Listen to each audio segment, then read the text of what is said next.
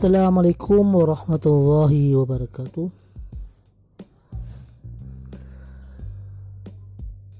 Menghadapi corona dengan akidah sudah kita lakukan.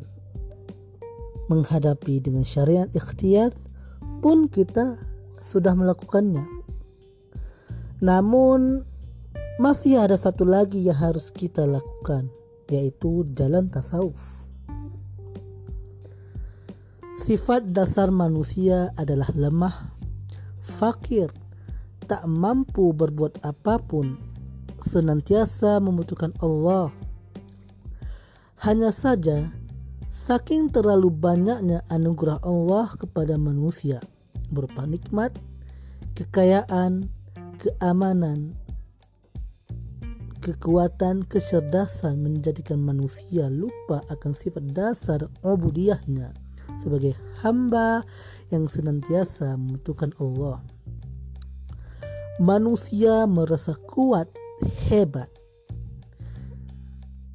Pada kondisi lupa daratan seperti itu, Allah atas kasih sayangnya akan membantu manusia untuk bisa menyadari posisinya sebagai hamba dengan mengirim musibah sehingga manusia sadar betul atas ketidak ketidakmampuannya. Saat-saat datang musibah itulah saat yang patut dirayakan. Kata hikmah datangnya musibah musibah adalah hari raya istimewa bagi orang yang sudah menempuh jalan menuju Allah Bukankah tujuan utama ibadah sebenarnya adalah untuk mencapai maqam ubudiyah yaitu kesadaran penuh betapa lemahnya diri kita dan betapa butuhnya kita kepada Allah Subhanahu wa taala. Bahkan kadang-kadang kamu mendapat tambahan derajat pada pada saat mendapati musibah yang tidak bisa kamu dapatkan dengan puasa dan salat. Salat dan puasa yang seharusnya menjadikan manusia semakin menyadari posisinya sebagai hamba yang lemah di hadapan Tuhannya justru terkadang menjadi sebab keangkuhan dan merasa hebat. Bila tidak dihayati dengan benar, tidak demikian dengan datangnya musibah, musibah yang memang tak ditemukan jalan keluarnya selain bersimpuh di hadapan Allah Subhanahu wa taala.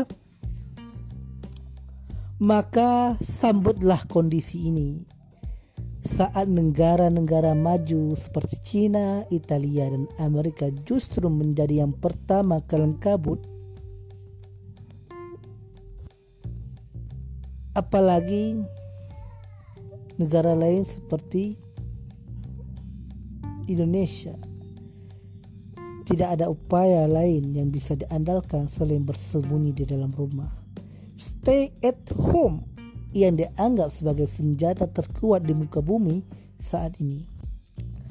Justru semakin memperjelas betapa lemahnya manusia. Sambutlah hari raya ini. Kefakiran, kelemahan, musibah adalah hamparan anugerah Allah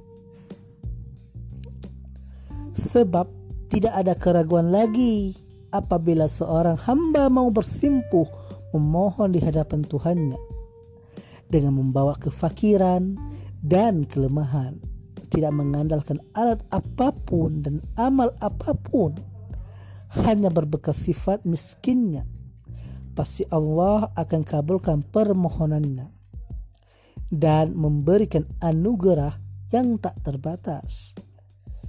Jika kamu menginginkan datangnya anugerah-anugerah kepadamu, maka betulkan dulu sifat fakir dan lemahmu. Bukankah Allah berfirman bahwa sedekah itu diperuntukkan bagi orang yang fakir? Pastikan sifat-sifatmu, maka Allah akan menolongmu dengan sifatnya. Pastikan sifat rendahmu, Allah akan menolong, Allah akan menolongmu dengan sifat kemuliaannya. Pastikan ketidakmampuanmu, Allah akan menolongmu dengan kuasanya. Pastikan kelemahanmu, Allah akan menolong dengan kekuatannya. Cukup sekian. Assalamualaikum warahmatullahi wabarakatuh.